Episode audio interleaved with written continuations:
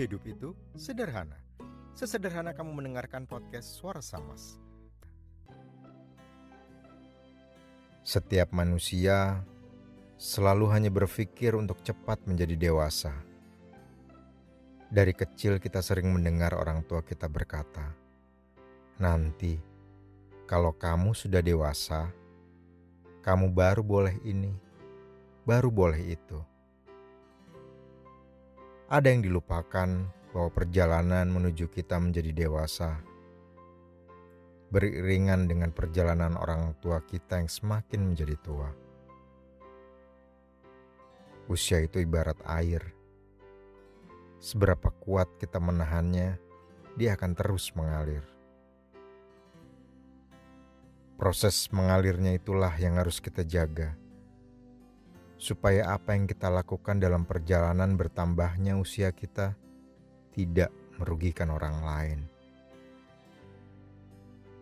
Semua cerita akan menjadi tua, dan bila kita sudah semakin punya banyak cerita, maka saat itulah kita juga menjadi tua.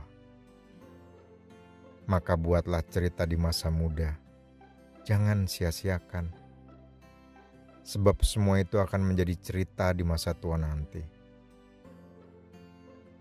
Cerita yang kita ceritakan kembali suatu saat nanti, antara lupa dan ingat, atau memaksa untuk mengingatnya, dengan semua bayangan jelas pada masa itu.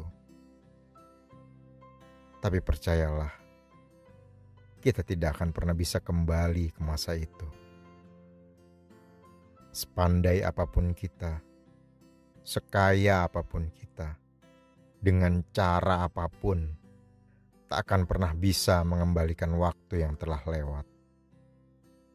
Sebab manusia lahir, beranjak dewasa, lalu menjadi tua, itu sudah kodrat.